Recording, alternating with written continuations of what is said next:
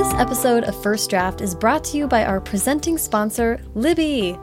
Libby is a free, award winning reading app created by Overdrive and provided by your public library.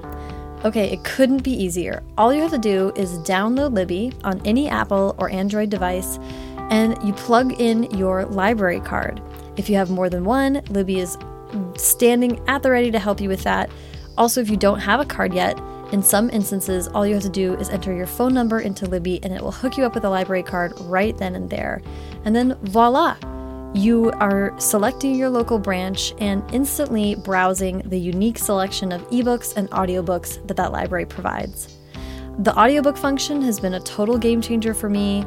I've really loved not only the fact that Libby seamlessly works with Apple CarPlay and Android Auto, it means I can think of a book, take out my phone, instantly search my library, either put it on hold or start listening to it right that very moment.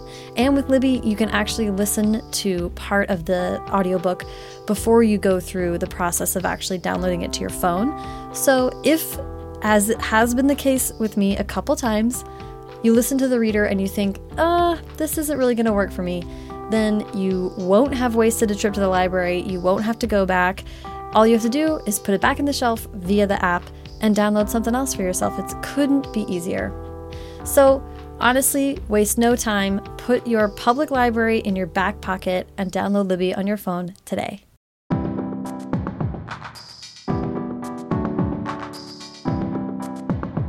Welcome to First Draft with me, Sarah Enni. Today I'm talking to Simon Curtis, pop star, actor, and author of Boy Robot and its forthcoming sequel. Simon has been releasing a lot of new music this year, and just a few days ago, he released two brand new singles, Graduate and Rainbow, which you should go listen to right now. I love what Simon had to say about shrugging off false humility, carving his own path as an independent artist, and honing a sense of gratitude with the help of Ariana Grande. So please sit back, relax, and enjoy the conversation.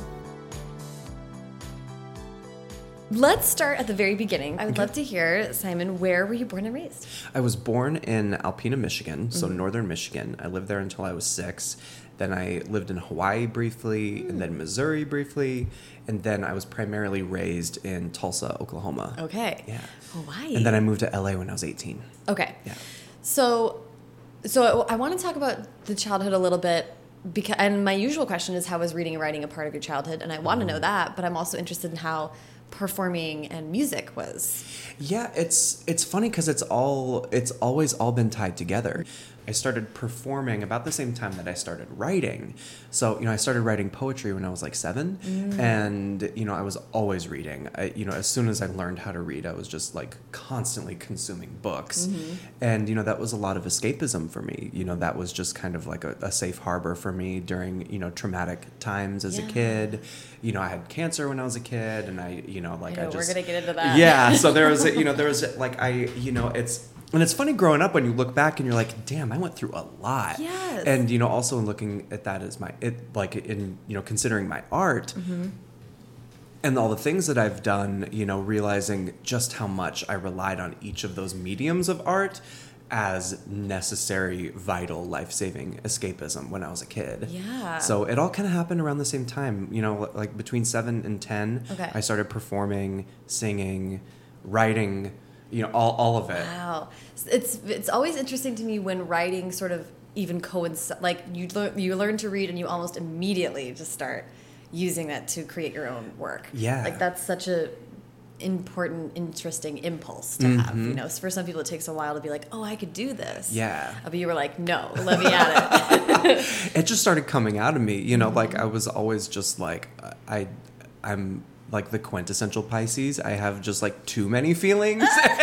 yes. and if they don't get out of me, it's just destructive. right, right, right, right. So this is, and like my music questions are going to be a little rudimentary. I'm not as familiar with that art form. So, I mean, how was when you were doing, when you were writing poems, At what point does that become like lyrics, or do you think about those the same way? Or are they very separate for you? You know, it's funny. They they are kind of separate, but they all, they all came from the same place. Mm-hmm. Like they all came from the same place of when you know I was writing poems at 7 Mm-hmm. and because everything that I always wrote was super autobiographical, and Mm-hmm. like I have all these journals. You know, when I was on chemotherapy as a kid and in the hospital, and all I did was write poetry. Mm-hmm. And I look back on it now, and I'm like, I cannot believe a little. Like if I met a kid who was writing this, I would hold them and cry. Seriously? because it's just like I was I was just like going through it and you know and and I I use that you know that's kind of same uh, catharsis with my writing and music as Yes. well you know it's always kind of been a diary for me Mm-hmm. so it's it it really does come from the same place you know Yeah. writing poetry and then you know shifting into songwriting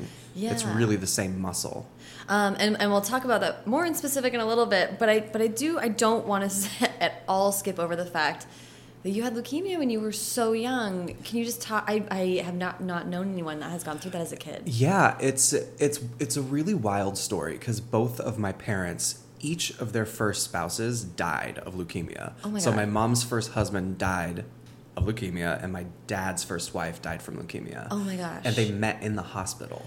My parents met in the hospital in St. Louis, where both of their spouses were being treated. Oh my goodness. Yeah, and then they passed away, and then Right. like I think it was like two years after, they got together and So they me. rebuild their lives together, and then many years later, their son is diagnosed. That's so I know. overwhelming. It's, it's really it's you know, and people always ask like, oh, you know, like they assume that when I say that story that it's like something genetic, but then I have to remind people that I'm not related to my parents' first spouses. Yeah, at So it's all. all coincidental. Wow. So it's That's some cosmic stuff. yeah, it, it really Wow. is. It really is. So what was the um uh and you know to whatever degree you're comfortable talking about this of course but like how did you discover this what how long were you out of school like It was interesting because you know I the way that cancer is depicted in you know movies, TV, and so many other mediums. It's it's not really representative of what. It's rare that I see a cancer depiction mm-hmm. that's accurate mm-hmm. because for me it was just.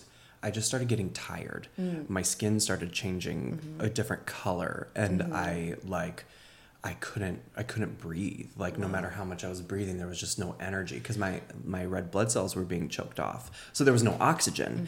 And so leukemia for me was just kind of slowly suffocating. Wow. And the really sick stuff that you that you see depicted, that's all from chemo.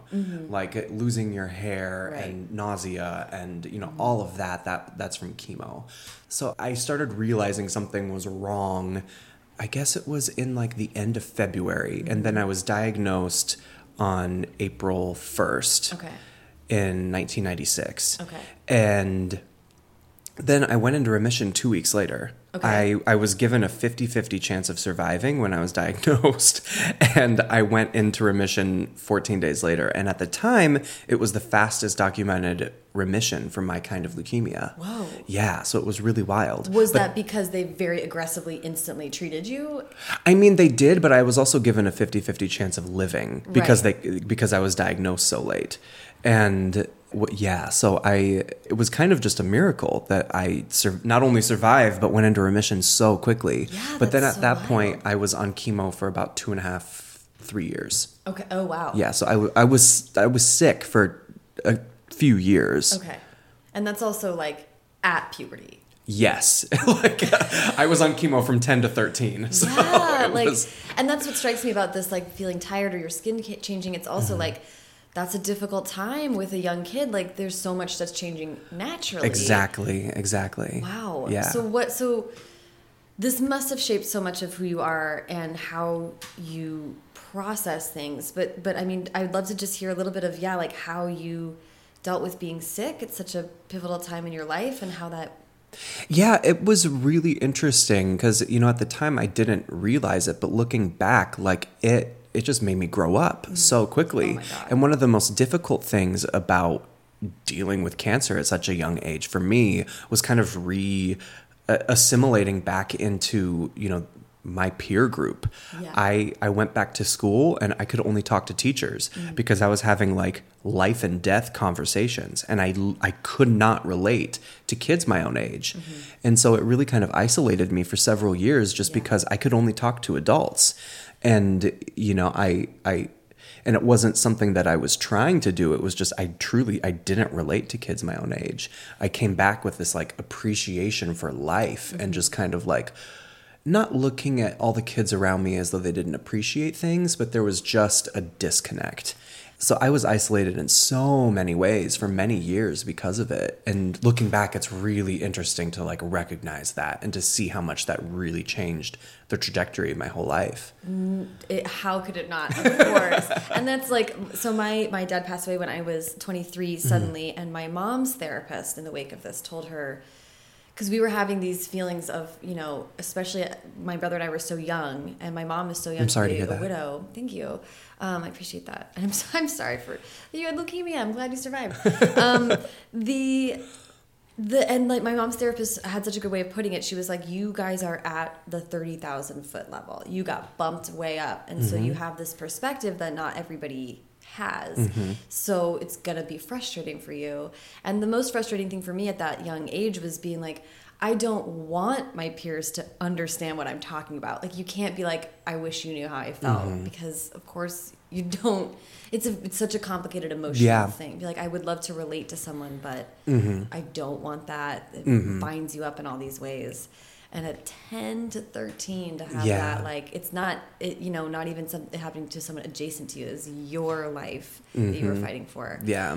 I cannot imagine. Yeah, and then it was it was interesting for me too because you know I and this is something that I've had to like really deal with in in therapy in like recent years is because it was so traumatic for my parents that they shut down and I was isolated even more because my parents just like they weren't able to cope.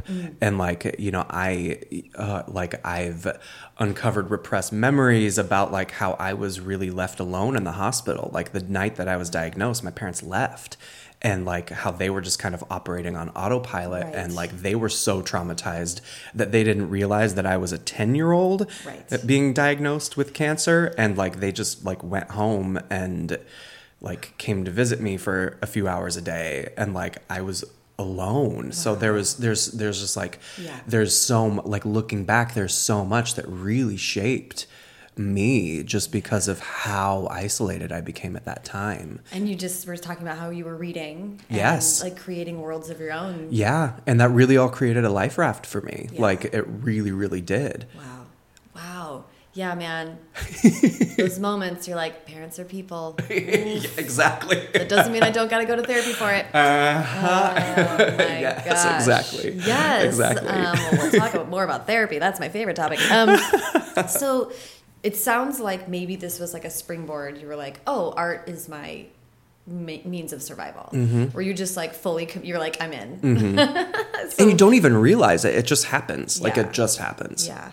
Then you, you when you came back, I think you were. Did you do school plays? Were you how how was your expressive life? Yeah, I um you know, I was I was I was always just writing and journaling and then in terms of performing, it was in 5th grade. So it was my first full school year back. And my music teacher invited me or wanted me to audition for a production of Joseph and the Amazing Technicolor Dreamcoat. It was like the national tour and it was coming to town and they didn't tour with a children's chorus. They had children's choruses auditioned and rehearsed That's in each city mm-hmm. that they went to.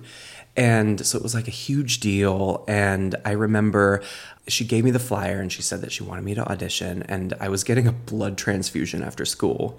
And I pulled the flyer out of my backpack and was like, Mom, call and set up an audition for me. And my mom started crying and was just like, You can't do this. I'm sorry, I'm not calling. And I begged her and I got so mad. And I was like, Call them right now. I'm doing this. Yeah.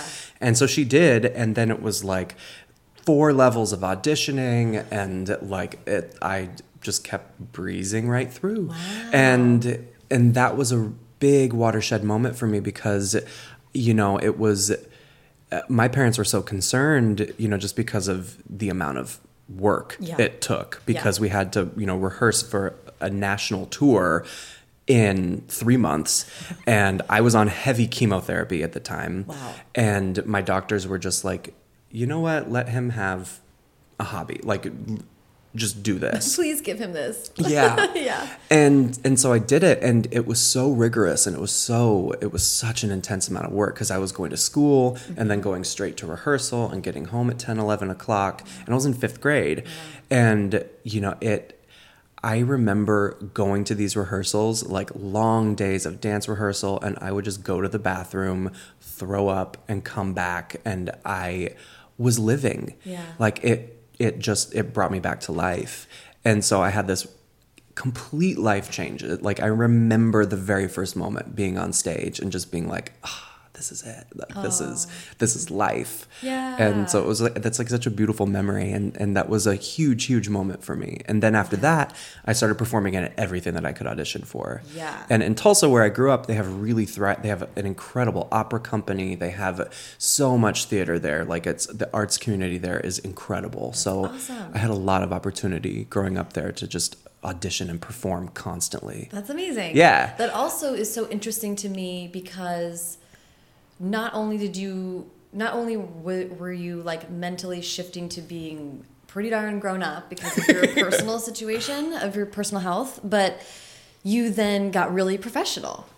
Oh absolutely Like you kind of just became a little grown up. I honestly did. All at once. I know, I know. Wow. And I look back and it's like, because I moved to LA by myself when I was 18. And I look back and I'm like, how the fuck did I do yeah, that? for real. Isn't it? It's amazing, and like hearing you talk about like looking back at your poetry from that time too. There's so much. The joy I think of getting older, especially if you are. I mean, the joy of getting older has been the moments that I look back and I'm like, "Fuck, I did that." Exactly. Like, yeah. that's cool. Yeah. and like you know, sometimes it's very the moments of looking back and just reconnecting with an old version of yourself are really emotional. Yeah, Um, definitely. and sometimes it's like, hell yeah. I'm proud of you, kid. Yeah, good for you. So so let's so obviously you were performing and you were just sort of this a creative little like supernova. Um, I did get the chance to watch your "It Gets Better" video. Oh, yeah. And I don't know to whatever degree you're comfortable talking Of about course, this yeah. experience of moving to LA and coming out and this other huge life shift. I'd love to hear that story. Yeah, I mean, you know, I I feel like we're going into like Simon's trauma hour. Spe- well, speaking of therapy, I'm like, welcome to my house. Spill First all draft of the therapy. tea. Yeah. Um, no, so I I had you know I had a very traumatic coming out experience. I was I was outed by my older brother, and you know my parents like my my mom told me that she wished I died when I had cancer, and then they kicked me out. And it was during that time I made my first trip to LA, and you know, I stayed with a friend out here. And then when I came back, I was kind of, you know, existing as a ghost in my parents' house, kind of like staying with friends and sneaking in in the middle of the night to get clothes. And, and then that kind of shifted back into like me just coming back and nobody really saying anything. And I, you know, I, I had worked a full time job, you know, starting in like my junior year of high school mm-hmm. and like saving up money to move.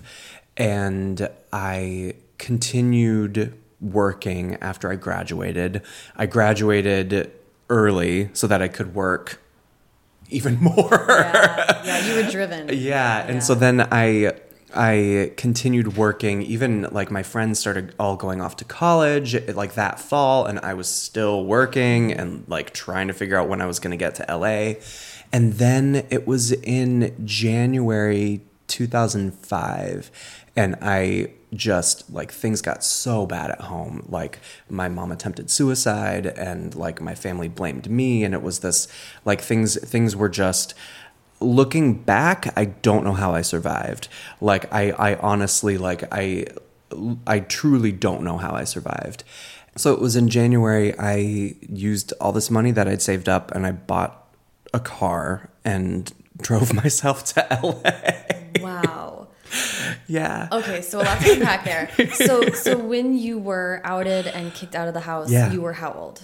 I was 18. Okay. It was the summer. I, I turned 18 in March, and that happened in July. And so you were eight. So like friends had like were leaving also. Oh Like, yeah, it was like- it was it was post senior year summer. Like it was like the summer after graduating, you know, all of my friends I had graduated much earlier, but Mm. the summer after all of my friends graduated, it was just like awful. Like it Yeah. was and that that time of your life is so difficult anyways just because like you know you you don't know what's happening things are changing you in, ways Yes. you can't control, and in, when you can control it, it's terrifying. Exactly. So it like it, it, it was it was this whole other completely additional layer of like terror at the time.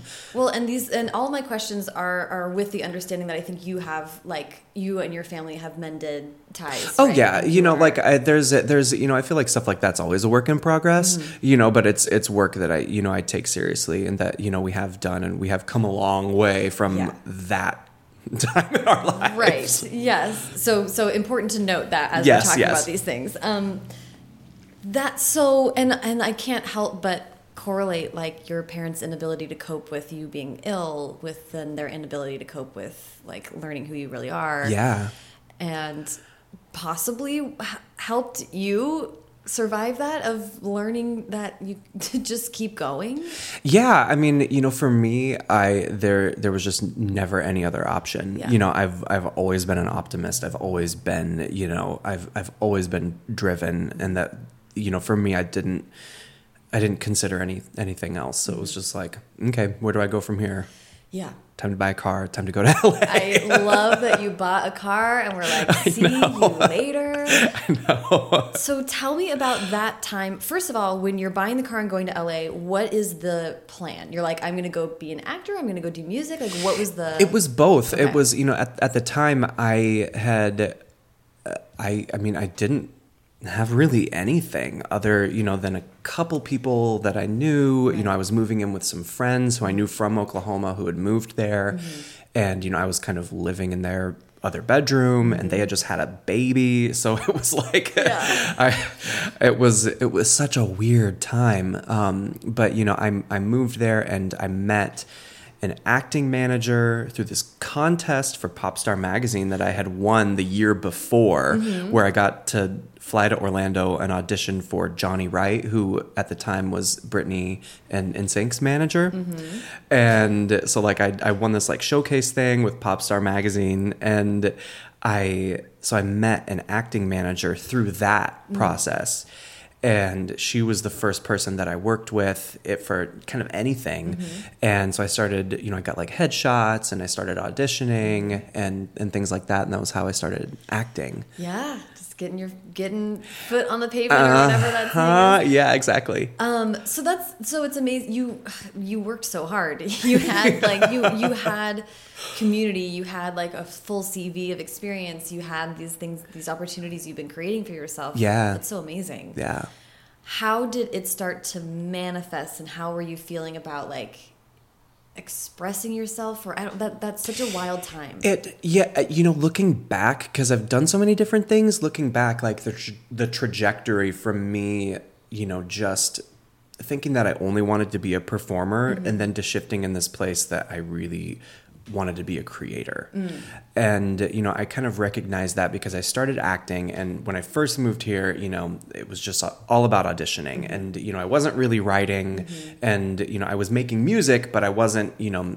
I wasn't taking it to that next level, mm-hmm. and I was really focused on auditioning, and, and I started doing like Disney Channel stuff, and then, you know, like a couple years after I moved here, I did this Nickelodeon movie, and everything kind of started like emotionally crumbling uh, somewhat after that, just because I had been, I had like fought for my life to get out of the closet, and when I started acting, especially at the time in like 2006, 2007, I basically was like told by executives and uh, managers to recloset myself.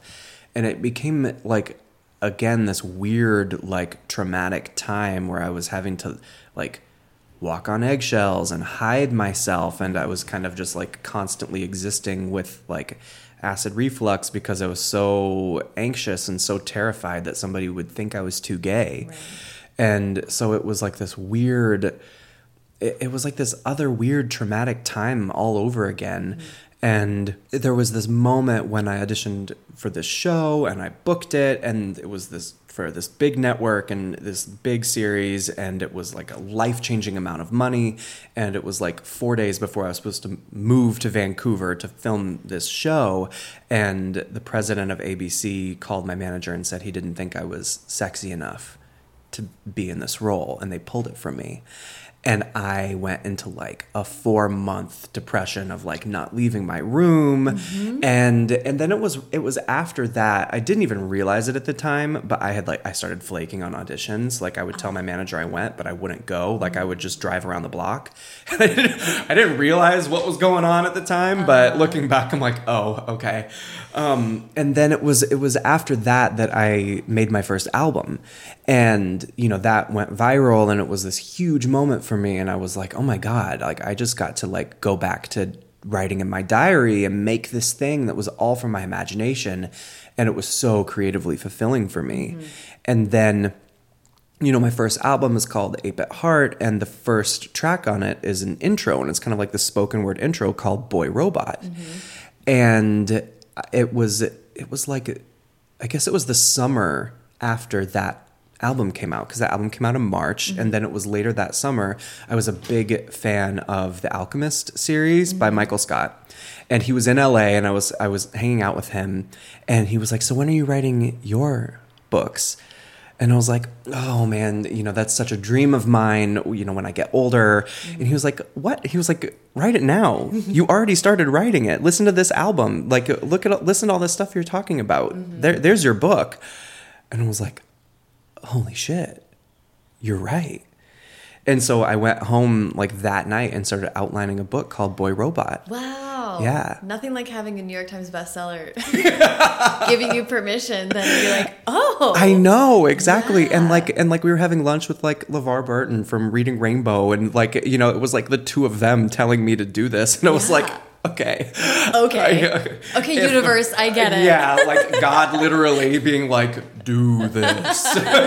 Stop everything. Yeah. Well, I do. I really want to talk about this because, first of all, 8 Bit Heart is. I love that album. It's so oh, fun. thank you. So fun. Thank you so much. Um, 8 Bit Heart is like, it is so unique because it is. I wonder, you're describing like sort of the emotional state you were in. Mm -hmm. And first of all, it's so striking to me that you were like, in some ways, forced out of the closet and then forced back in like of course that's traumatic. That is yeah. so wild. Then you're in this emotional state and you start creating music. An 8-bit heart is like of course feels very personal but you use a narrative i mean it's very mm -hmm. like different yeah. it's not just a acoustic guitar singing about your feelings yeah. you do construct this kind of world in it mm -hmm. what were you thinking you know what's funny is i don't uh, like i don't know it was just coming out of me mm -hmm. and like all of a sudden i started making this concept album about this boy who wanted to be real and it was kind of like inspired by pinocchio mm-hmm. and like you know all of the fantasy films that i grew up with that have like shaped my imagination and you know and it was kind of this whole saga about unrequited love and like you know being validated by the emotion of love. Mm-hmm. And you know so that's that's really where it came from. It was just kind of you know pouring out of me. And at the time you know looking back i'm like of course you wanted to write an album about being loved. Right. Right. Of course. and loving yourself. Like and yes. that's you know at the at, i don't know uh, which version of the album that you listen to because it's it exists as a free like I released it as a free mixtape mm-hmm. basically, and you know because it, there's so many samples like I've never been able to sell it, so that's a free download on my website, mm-hmm. and that one has a few more of like the interludes and stuff that kind of connect it all, yeah. and like there's an outro that it, it kind of connects back to the intro of the album mm-hmm. where it basically talks about like the boy realized that he only needed to love himself the entire time and that was what true love really is so yeah. it's like this whole full circle thing I love I love that I, I mean I was mostly listening to the remixed one which mm -hmm. I mm-hmm. want to talk about about that process too but I, it, it's so I mean of course other people have done concept albums but but that's so unique you know it's mm -hmm. not mm-hmm. what every other like young pop singer was doing yeah were people like getting what you were doing totally people really got it oh, like good. it gave me like that album gave me a fan base and like so many incredible supporters and like people who are like still with me today 10 year almost 10 years later like it just it's you know so yeah it, it really it really struck a chord So validating. And then, yeah, to have someone be like, you know, you could also put this in a different format. Yeah. Um, that's so cool. Yeah. So, so talk me through this because not only, is, I mean, it's one thing to write poetry and lyrics and express yourself musically. Writing a novel, so intimidating. Yeah. What was the process of, of jumping into that? So I started outlining Mm-hmm. and I knew that I wanted to do it and I knew that it was going to happen and I wrote on Twitter one night and I think it was it was shortly after I met with with Michael. And I just wrote a tweet and was like hey does anybody know about YA publishing? Like do any of my followers know anything about Right. YA publishing? And this was in 2010 and i had this fan for so long on twitter like ever since my album came out who was you know like just constantly sending me supportive messages and you know like loved the album and all of this. And it was this like cupcake avatar and it was like at cupcake andy. And i was like i don't know who this person is. This is uh, but i was always like thanks fan. So sweet you know cupcake person. and then I get a response and he's like, "Hey, send me a direct message." So I did. And he's like, "I'm an editor at Simon and Schuster." And I will. I know a thing or two Yeah. about what you're asking about. Yeah, so that was Michael Strother who was my editor for Boy Robot. Oh my gosh. And is like, you know, now one of my best friends and just like I, one of the most brilliant people I've ever met. Um, but this was in 2010. And we talked a lot about the concept for the book. Yeah. And he was like, send me a proposal. And Mm-hmm. 'Cause so this is like you don't have a literary agent. You I had are like, nothing. Yeah. I didn't even have a manuscript. and so I wrote, I basically wrote the first 50 pages of the book Mm-hmm. and then a proposal, a full outline. And he took it to like their pitch meeting and you know said that he wanted to buy it and it was a no because there was no manuscript. Mm. Right. And so that was in 2010 and then I think it was in 2013. So it was like or it might have been 2012. I don't know. It was like 2 or 3 years later. Mm-hmm. He hit me up and was like basically everyone at Simon Pulse got laid off and I I got a I got a big raise and I, like there's a whole new team there and I want to like talk about this project again. Yeah. And so I went back and I, I I redid a ton of stuff and like mm-hmm. I, I reworked a lot and you know and then like they were interested and they wound up buying it. And I hadn't written it yet I was gonna say that's still a proposal. it was still a Yeah, proposal so yeah. it was it was like the first 50 pages mm-hmm. and you know and a proposal and so like i just kind of got thrown in the, the deep end and i didn't even have an agent yet Right. so it was like it was it, the whole process was just completely backwards for me and i talked to other authors and it's just like i'm so grateful but it was such a unique process Well, you have, so I somewhat relate to this. You have the very interesting thing. Usually people sell a book, they like, you know, like Sabaa Tahir spent six years writing Ember in the Ashes, right? And then then they're like, okay, cool, nine months for a sequel, good luck, bye. And she's like, holy cow. Yeah. You kind of had the second book situation with your first book. Yeah, and it's interesting because I still spent like six years writing it. Yeah. Like you know, even though I wasn't drafting the mm-hmm. manuscript, I was I was writing different sections of it, and Yeah. you know, there's lot like there's a lot of alternate uh, POVs in the book, and I was mm-hmm. you know writing all of those and all of the you know I was still developing this world, mm-hmm. and then it all just kind of like and the deal came before the manuscript actually came. Right. So it was yeah. Let's talk. Let's really quick. I want to talk about the, the the space in between too. Hmm. When you sit down and you're like, "Oh, I could make this a novel." Mm-hmm. Did it kind of reveal itself to you? Was it easy to be like, "Oh, yes, this world of my music, this is what it would look like in a novel form." Had like conceptually, arcs wise, was it all like immediately there, or were you really like shifting?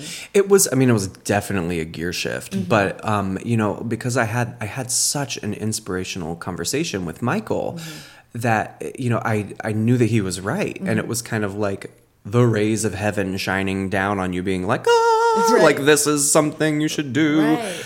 and I was, you know, so and the album has such a clear concept. Yeah. And initially, I was like, well, how does this work? Is this like about like a mechanical robot? Like, do I go like, is this actually just kind of like a modern retelling of Pinocchio? Like, mm-hmm. is that what this is? Mm-hmm. And it just kind of evolved. It continually evolved from there. Yeah. Okay, let's really quick before we talk too in too many more specifics. Do you want uh, pitching the book for us? Okay, so Boy Robot is the story of Isaac, who on his 18th birthday discovers that he is a synthetic human, mm-hmm.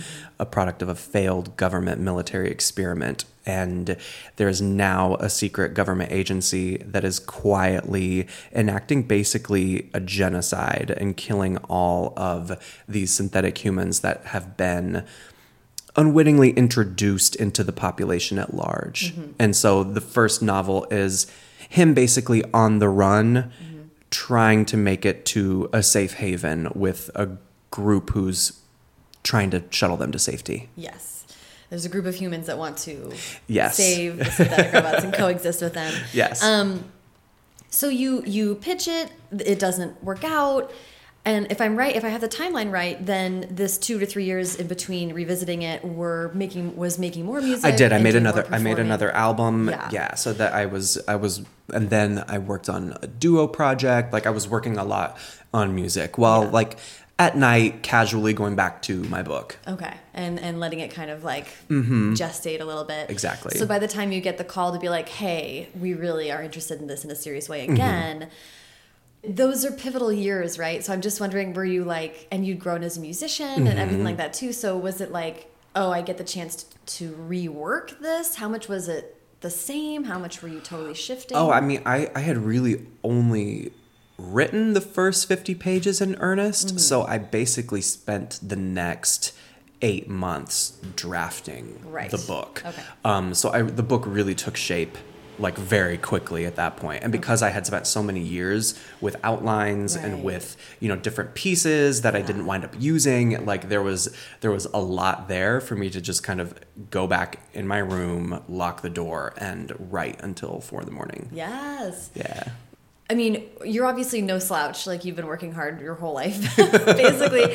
But were there different ways that you motivated yourself? I'm, I'm interested for like people listening who are who are shifting mediums. Like, how did you kind of keep yourself on track and think about it? I mean, I I was just so enamored by the concept and I mm-hmm. just saw it in my head and it was a story that was just aching to get out of me. Mm-hmm. It was just such a big part of me that it like it to hold it inside and not do it would have been to diminish something really important inside of me. So it, I love those moments when you're like, well, and this is a little woo woo, but whatever. I'm having this moment right now where I'm like, you know what? It's the season where like something's gonna happen. I need to make sure that I'm at a desk so that it can happen. Oh yeah, I what I mean, mean? you know, I think when you're a storyteller, when you are a creator in any capacity, mm-hmm. like you're establishing a connection. Like that's like a universal connection. Mm-hmm. And I think that stuff comes through us for a reason and you know, it's just our job to let it come through. Yeah. And you know, it's like looking back at like the stuff that I was writing when I was 7. Yeah. Like I look back at that and I'm like, huh? like no, that's like something coming through you and I think that, you know, I think that really honors it mm-hmm. to, you know, just go sit at the desk and let it come out. Yeah, like don't stand in the way. Yeah, right? exactly. Like get out of your own way. Exactly. Let it. And that's something that I've been having to like relearn all over again with the second book Mm. because you know like oh my god, like the first book just like it felt like it was coming from somewhere else and I, I had to go into like emotional hibernation for like six months after Mm. I finished it. Mm-hmm. Like when I typed the last words on that first draft, I shut the lid on my laptop and I think I just cried myself to sleep. like it was like Yeah. yeah. Oh boy, yes. Man, um, I had a moment after I turned in a draft of a book, and then my book was coming out, and I was like, it was just before the book came out, and I was walking around and talking to a friend of mine, and I was like, so I have this question. I'm acting like I'm depressed, but I know I'm not depressed. um, but this and this, and I was like, do you have experienced that? And he was like, let me just back up. he was like, maybe you're depressed. You know, like uh, it's okay to have that as part of your process. Yeah. Um, it's like such a you achieved this thing and then It's it's I, you know obviously I'm not a woman so I can't really authoritatively say this but it feels like a form of postpartum depression Right. like because you know the creative process is such a birthing process and then to you know have that out of you and in the world that is not and it's all it's like there's something that's so bittersweet about it. Totally. Oh my gosh i'm obsessed with that. Yes yes bittersweet's such a good word for it. It's just it's wonderful but you're also like when you have such a goal driving you the whole time as well and then it's like done Yeah. then you look around and you're like whoa what's gonna fill that vacuum? Like and that's been one of the big things for me this past year is just kind of really honing that that energy of gratitude. Mm. And that's why i love ariana's thank you next so much because even with that it's like get that book out of you okay thank you next Yeah. like it- with songs you know like that's been such a mantra for me ever since that song came out because it's like oh fuck yeah like that's powerful that's really Yes. really powerful Yes. in so many ways and i think that applies for creative projects like oh thank you next Like, Absolutely. yeah. Oh, I love that. Yeah. So let's so let's talk about that. The like, what's it like to have you really established yourself in music, and mm-hmm. then you're kind of saying like, go with me on this new journey with the Mm-hmm. Yeah. book. What was it like to kind of step into book world and promote that? And I mean, it's it's always wild stepping into you know kind of new shoes like that because you really do have to reestablish yourself from the ground up. Yeah. You know, you kind of have to like get over that imposter syndrome Mm-hmm. at every step. You know, every new venture is like. Oh no! Wait, I have a book. like people have read that book, and you know it kind of makes you like reconsider yourself Mm-hmm. All over again. So you know, like that that happened with that's happened so many times with music with me, where I've met people and they were like, "Oh my god, I was obsessed with you in middle school," and I'm like, "Oh god, such an interesting compliment. Yeah. Ooh, oh, I don't know how to take that, but thank you, thank you. Like that's wild, but thank you. Um, you know, so there, it's it's kind of like the same thing. You know, like like just kind of being like, "Oh wait, no, this is me, and I did that, and I'm still doing this." That's so cool. Yeah. So let's so let's talk about that. The book comes out. You have a book out. You're an author. you're a musician, and then you um, you get back to music. T- talk me through what's um, to getting to love and the new the yeah forthcoming album. i mean you know for me also you know w- with music again like that was i went through so much stuff even when i released my first two albums Mm-hmm. you know like my my second album charted on billboard and i didn't have a manager i didn't have a label i had nothing and you know like i was just like i had all these expectations about like this big record deal and all Mm-hmm. of this stuff and i wasn't gonna have to just be like doing it by myself in the basement anymore. And like again because this was in 2011 when my second album came out and again like all the meetings that i was having with executives were just like basically telling me like you're really too gay. Sorry we can't do anything with you and you know uh, so- sometimes very overtly saying like ooh sorry you're just not exactly it's, it's, it's so that's so recent, you know. I know. And that feels foreign. Like Yeah. I cannot. I mean, that's awful. Yeah, and so you know, it's been you know, in circling back to the beginning of the conversation, like talking about therapy and all of the all of you know, looking back, I've had so many of these moments where I've allowed other people's other people's bullshit to make me second guess myself and to make me stop what I'm doing. Like how many times in my life I've had all this momentum that I've generated all on my own and then allowed somebody else to put up a barrier that's shut me down. And you know, and I really did that with music. Like I really stopped believing in myself and I got very depressed about music. And you know, fortunately I had this other avenue opening up at the time with with books.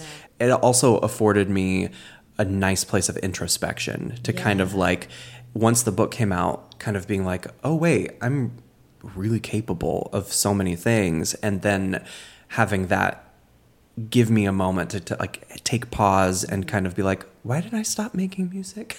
Like Right. wait it's been a few years. Why am i why why am i like why do i have like a panic attack at the thought of going into the studio? Right. and you know so it, it took a lot of work to you know kind of like believe in myself there mm-hmm. again and get back into the studio. And that's why you know releasing a song like love that was one of those weird moments because that's been we talk about like things coming through you. Mm-hmm. And i've had several different songs in my life that have just been like i'm driving in the car and all of a sudden i grab my phone and i just start singing it. And it's the whole song like i just sing the whole song. Wow. and it just like out of nowhere just like comes out of me.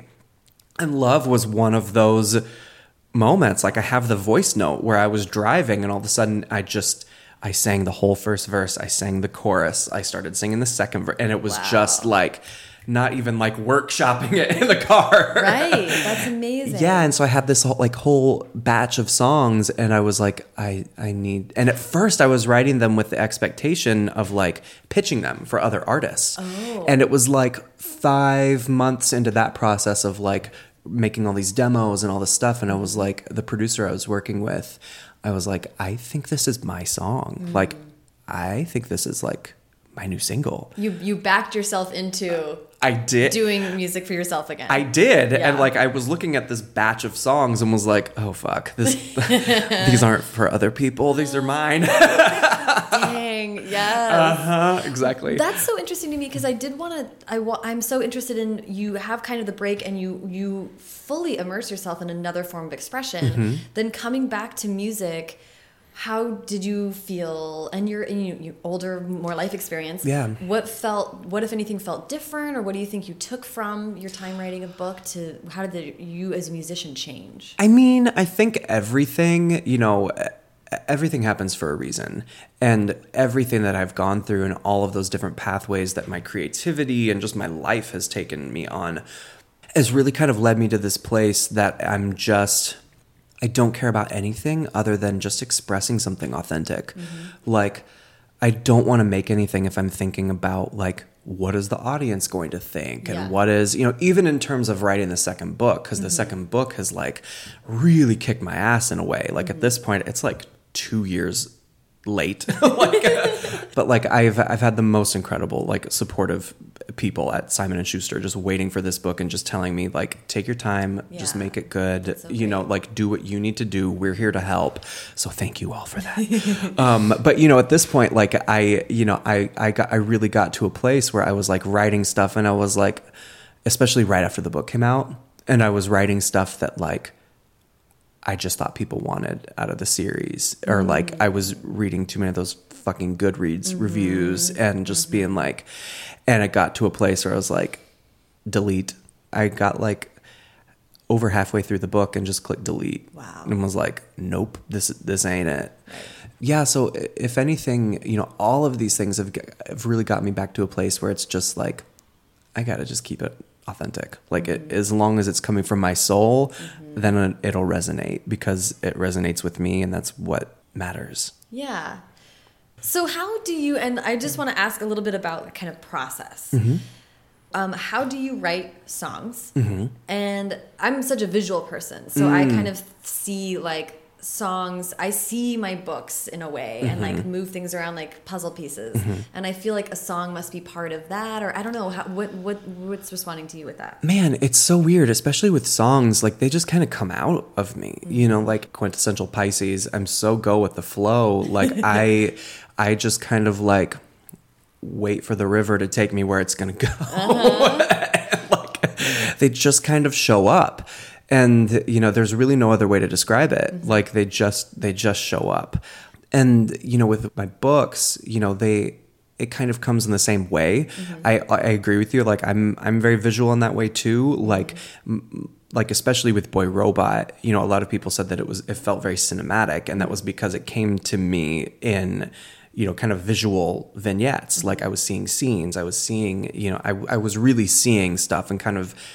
basically describing what I was seeing Yeah. in my writing Yeah. so yeah, I agree with you there. Like the the visual aspect of writing a book is it definitely resonates with me. Yeah, and how how do you think about? I mean, like the process of putting together individual songs.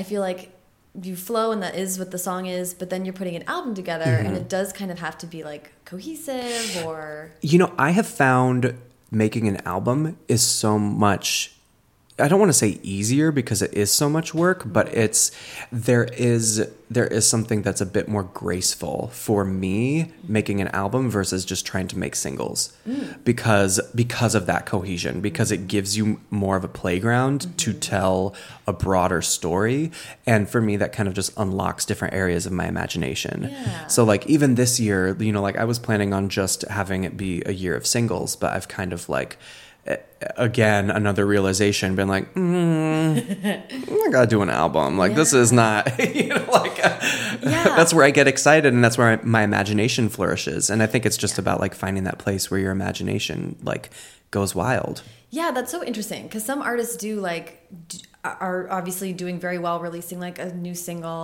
every couple months or something, and then that's exciting. But then, then you know, like there's something to be said for like if you have the whole album, it is sort of like a book. Not every song needs to do everything; it just needs to fit into the broader whole. right? Yeah, and that's what gets me, you know, that's one of the things that I just love about music. And it's interesting looking back because, you know, some of the first albums or the first albums that ever got me into mm-hmm. pop music, they all were like that. Mm-hmm. Like Janet Jackson's Velvet Rope, like that.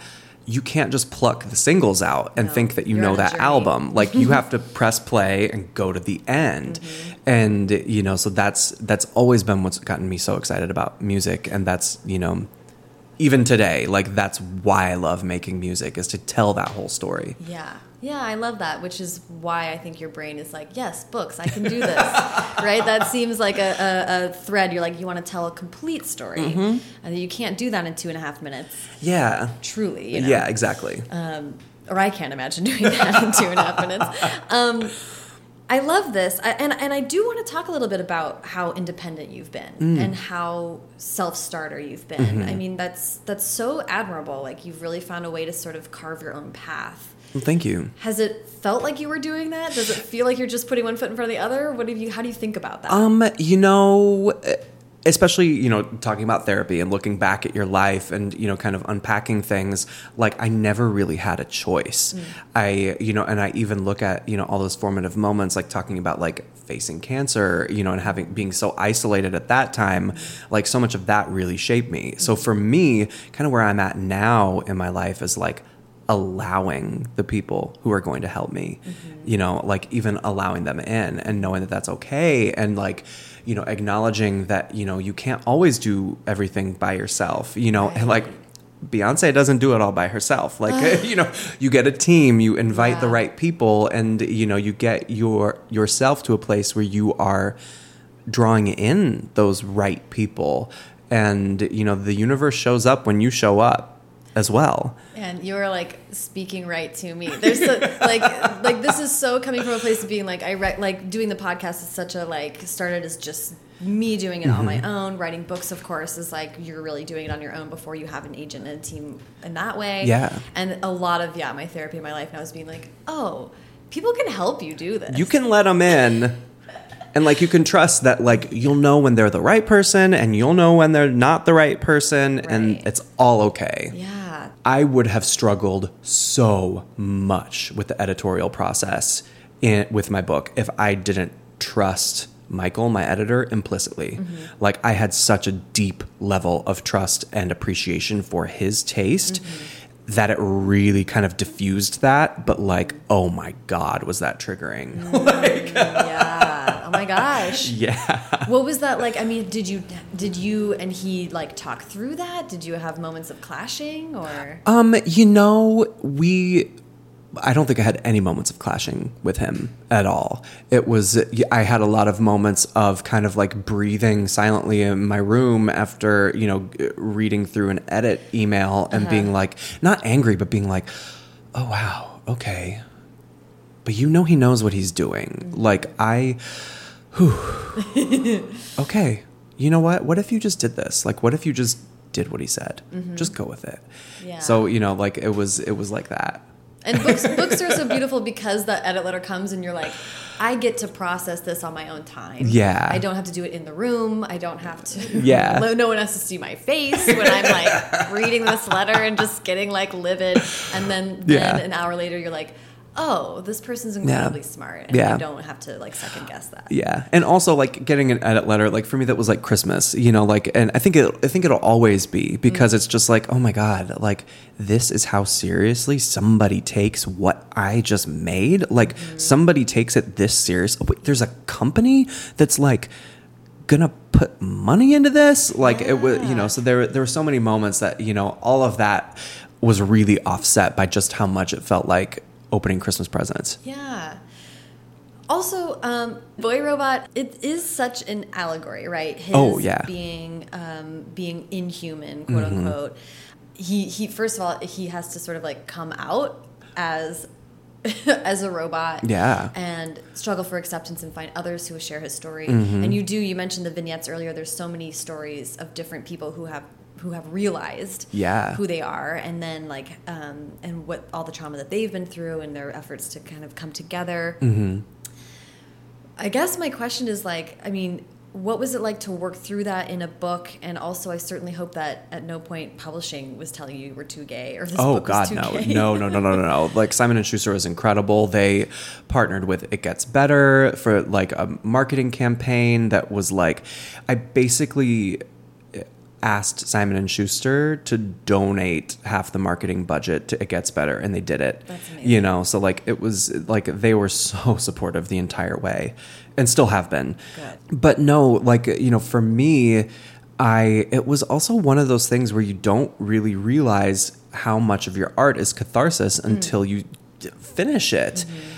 And like I didn't even fully realize what I was doing until I was finished. And that's why, you know, that was also another moment of like realizing why I was so I felt like emptied out afterwards and why every every kidding. time I wrote a chapter it was just like dry heave sobbing for 2 days mm-hmm. because I was processing so much and really kind of like writing it for other people to process too and you know like the book you know i've there have been a like a lot of the criticisms is you know that it's just it's like excessively traumatic that mm. there is just so much trauma that it's almost like that it is difficult to read. And i acknowledge that it is it is quite difficult to read.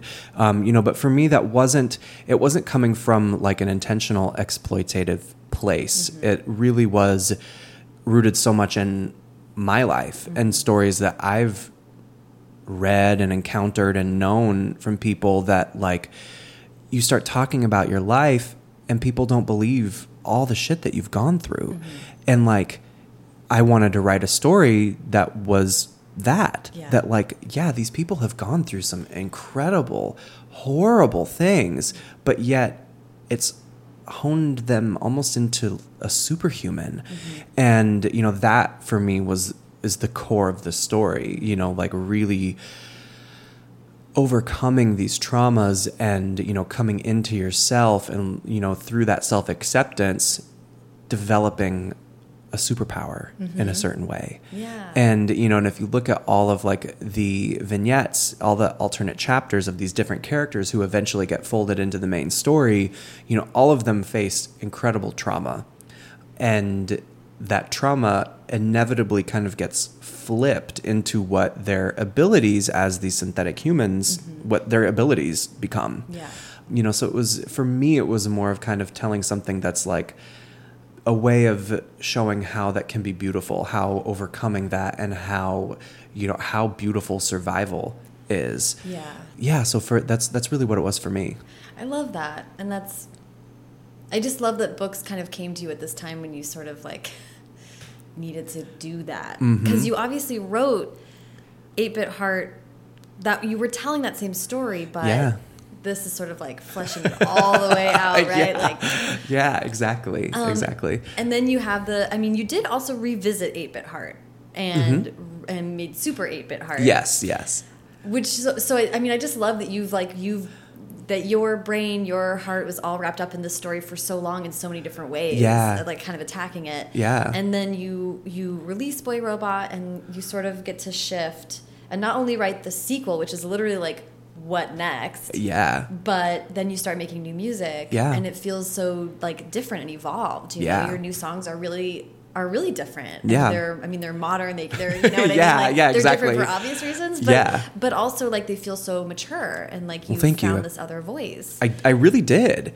And you know, and it's it's man, it's so funny. Like I circling back to Beyonce. Of course. So I grew up doing musical theater and when I was I think I was like 17, I was like 16 or 17 and I was obsessed with A*Teens back in the day. of course. Oh my god. And yes. me and my best friend, we drove to Dallas to go to the A*Teens concert. And we had like, we drove to Dallas like four months before for a signing, mm-hmm. and they had posted the wrong time on the website. So we pulled up as like they were leaving, and there were like people from Radio Disney there packing up and we were like we just drove from Oklahoma and they were like oh my god and they felt so bad for us they gave us backstage passes for the concert in 4 months and so we went back and we went to the show and there was this Swedish girl group called Play and they were their opening act and Matthew Knowles was their manager Oh. and we were backstage and I saw him and I was like, that's Beyonce's dad. He's a manager. And I just went up and I was like, Mr. Knowles, I love your daughter. I love Destiny's Child. I would love to sing for you. And he was kind of just laughing because I just came up and was like, hello, I'm going to sing for you. And he just kind of laughed and was like, okay. And I sang it for him and he was like, where's your demo? And I was like, oh, I don't have it. And he said, now see, you're not prepared. You got to be prepared. You come backstage at a concert like this and you don't have your demo with you. And he was like, I'll give you my card. He was like, You send me your demo.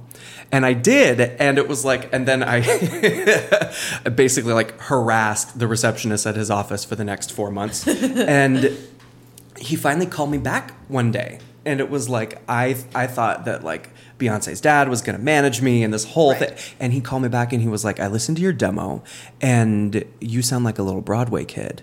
You need to find some soul if you want to mm. sing pop music. Mm-hmm. And at that, like, I was devastated, but like, I got it. Like, I understood what he meant. it's a good note. Yes, Yeah. it, it was life changing. I quit musical theater, I quit opera, like I quit all this stuff, and I just I started singing along to the music that I listened to, and I started like only singing the songs that I was writing, Mm. and it took years, but my voice changed because I really did like singing for theater is a completely different sound and style of singing than Yeah. singing, you know, as a recording artist.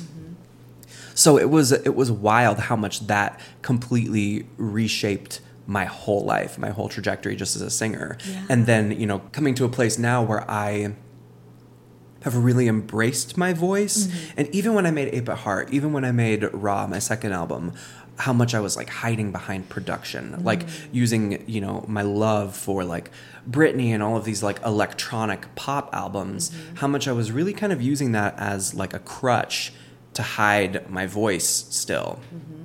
And in making this new music, I I made it a point to say I I want to sing. Like I want my voice to be front and center and kind of excuse me, getting to a place where I just believed in myself enough to be like, you know, I can I can let my voice be front and center. Yeah, you said on, on Twitter recently that you have a song that's like you singing in like an acoustic guitar, right? Yeah, it, what yeah. So it's That's I as, as pared down as you can get. that's incredible. Yeah, yeah. So it's it's yeah. I'm I'm working on, and that's you know, and it's funny too because like you as you grow, your music taste change so much, mm-hmm. and you know, like five years ago, I for myself discovered Fleetwood Mac and was just like, oh my god, this is the best fucking music I've ever, and like how much that has completely reshaped my my taste in music. Amazing. Because then from there, like I it, like when Kacey Musgraves' first album came out, I was like, what is this? Like I'm not a country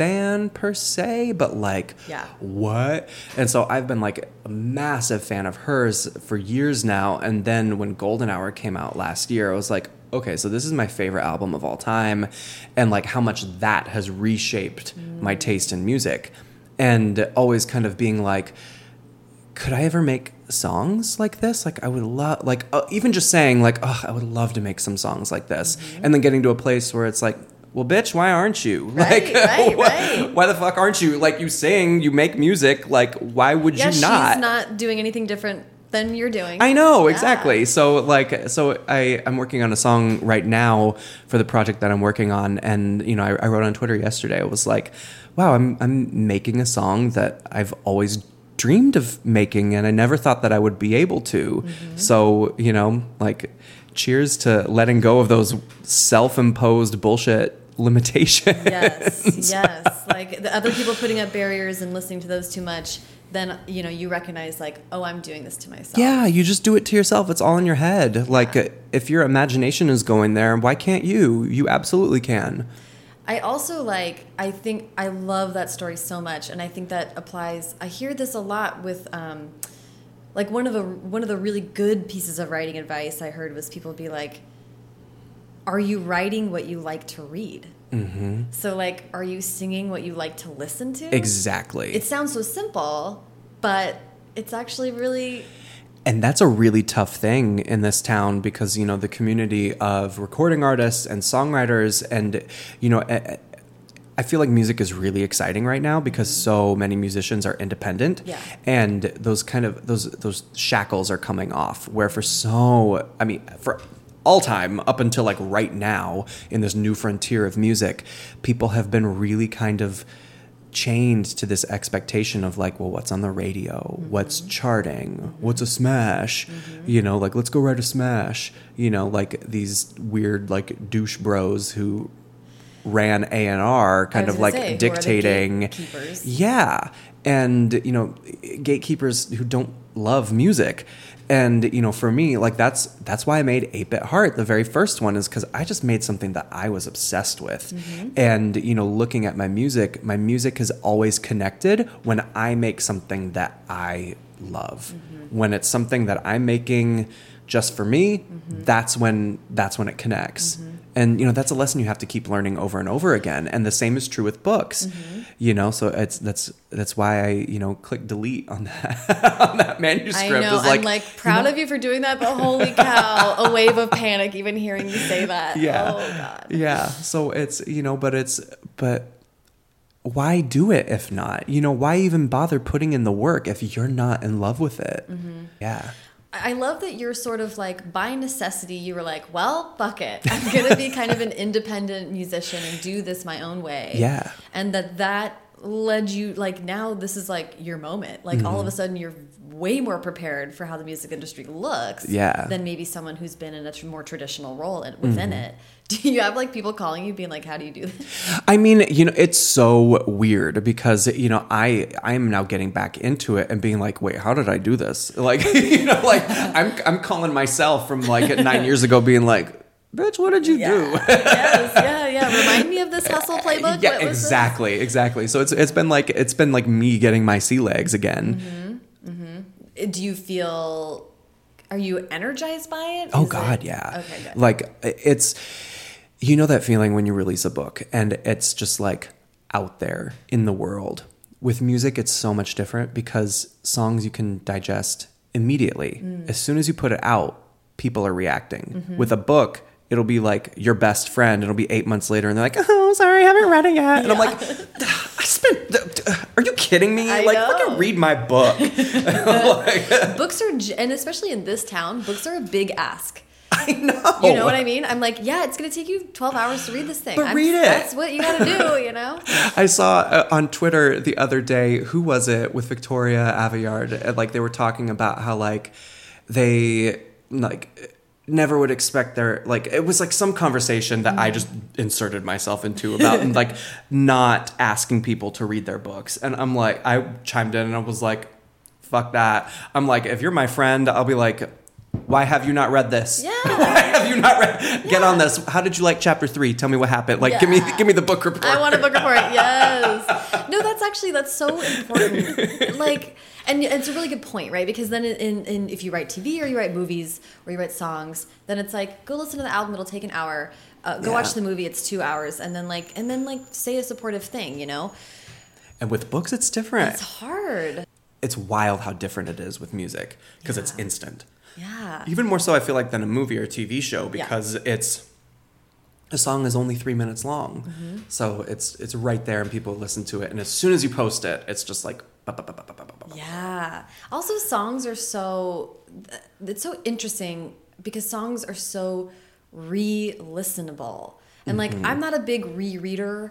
Um, I'll watch the same movies over and over, kind of, but like maybe the movie I've watched the most over and over, I've watched like a dozen times. Mm-hmm. But songs, they stay with you your whole life. like when you whole love a song, it's there. Yeah. Like it's always gonna be there. and it'll back. Like pop up out of nowhere and just like be your whole day, you know? And the relationship with the song grows over time too. Like Mm-hmm. lyrics affect you in a different way, and you know, it's it's yeah, songs are really interesting like that. I've never actually thought about it like that. That's interesting. Yeah.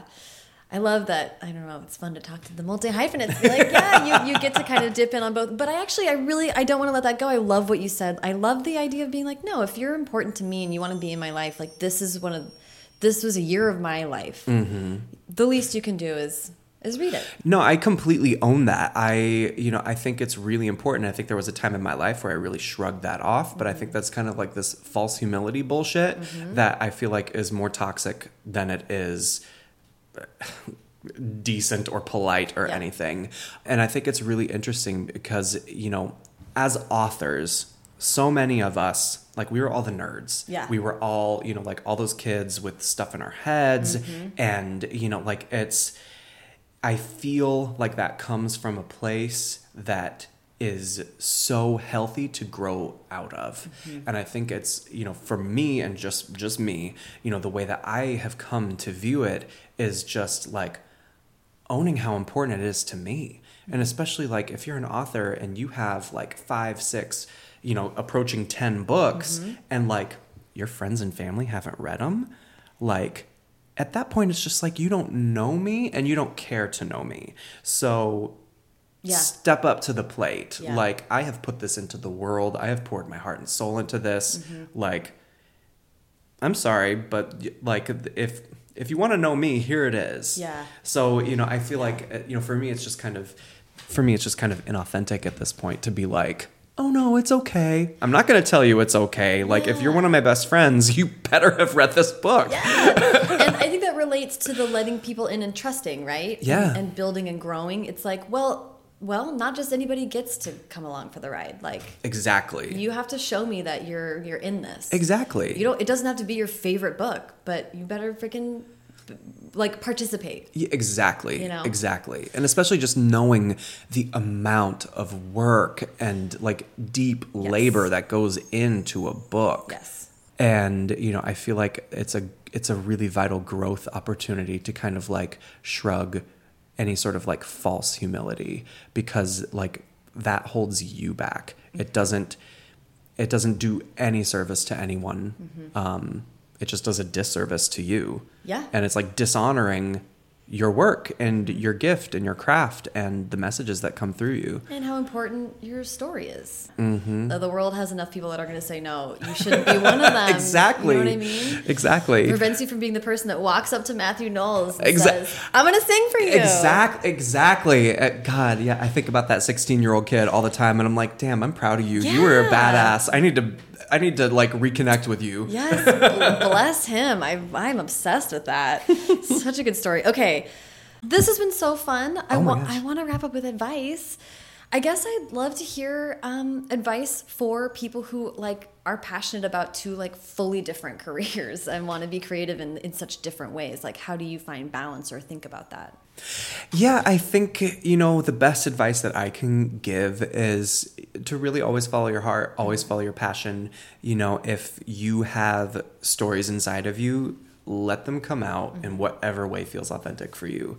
And, you know, don't second guess yourself, don't judge yourself. Mm-hmm. You know, I have learned so much, even, you know, we talked about, you know, with making a song that is so different from anything that I've ever done mm-hmm. and kind of having this realization that the only person who was holding me back from doing something like this was me. So it's that's such a liberating thing to realize that, mm-hmm. you know, oftentimes the only person holding you back and telling you no is yourself. Yeah. So I I think really, you know, stepping back and telling yourself yes and mm-hmm. go for it. I would recommend to everyone to go watch the Netflix documentary Knock Down the House. Which is about yeah. I haven't watched it yet. I'm so excited to Watch watch, it for this one moment where Alexandria Ocasio Cortez, who is she's sitting there with her partner and she's about to debate the Democratic congressman who she is trying to primary out of a seat, which is a wild situation anyway. And she's Yeah. a 27 year old bartender, and she's sitting on the couch and she's like I'm gonna get emotional even thinking about it. She just like it's like words of empowerment. She's like I take up space. I'm smart enough. She just it was so powerful. Yeah, you speak it into existence. She was like, I was just yelling it, and her partner's just sitting there, right now, sitting there, being like, "Yep, That's so vital, and that's why you know I've come, I've come back to Beyonce so many times in this in this conversation, but that is why we need examples of people who just own it, who just say this is what I am, this is what I do, Yeah. and I speak this, I live this, I breathe this into existence, and it's so fucking powerful. Yeah. You know, and being able to just shed all the bullshit and to say I deserve to say these words, Mm-hmm. like speak it out loud to yourself in the car if you need to. Just say it. Put that frequency out there because Mm-hmm. it reverberates and it comes back. yeah." Ah, I love that. That's such a such a good note to end on. Um, thank you so much for Oh my giving me so much time today. Yeah, I'm thank so you. Excited, and then when the next book comes out, we'll talk again. Yes, definitely. Awesome. Okay, thank you, Simon. Bye. We done with the bullshit, but I learned from the bullshit.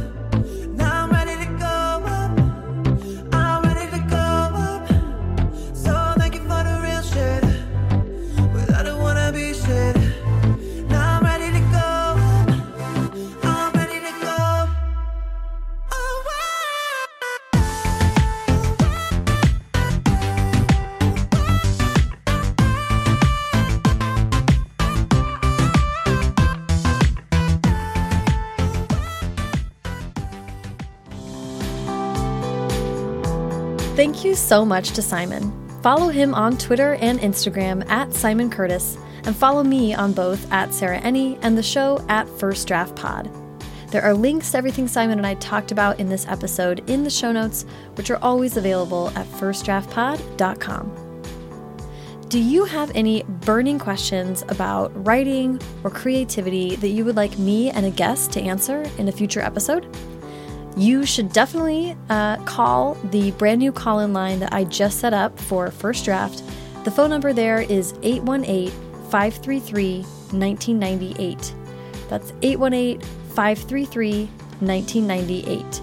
And definitely call with your questions um, about writing or creative life or balance, that kind of stuff. I would love to get a little bit more interactive with the listeners and engage with you guys and, and hear where you're coming from and and um, create more opportunity to kind of discuss that stuff on the show. So you can help me out by leaving a voicemail, or you can also email the show at firstdraftwithsarahenni at gmail.com. If you like the show today, please subscribe to the podcast wherever you listen and leave a rating or review on iTunes. It's incredibly helpful to get new listeners to find the show, and um, you know, it helps in some kind of ghost in the machine kind of algorithmic way. Um, and it's a very easy, nice thing that you can do. Haley Hirschman produced this episode. The theme music is by Dan Bailey, and the logo was designed by Colin Keith. Thanks to web guru Tasneem Daoud and transcriptionist at large Julie Anderson. And as ever, thanks to you, brave as hell 16 year olds, for listening.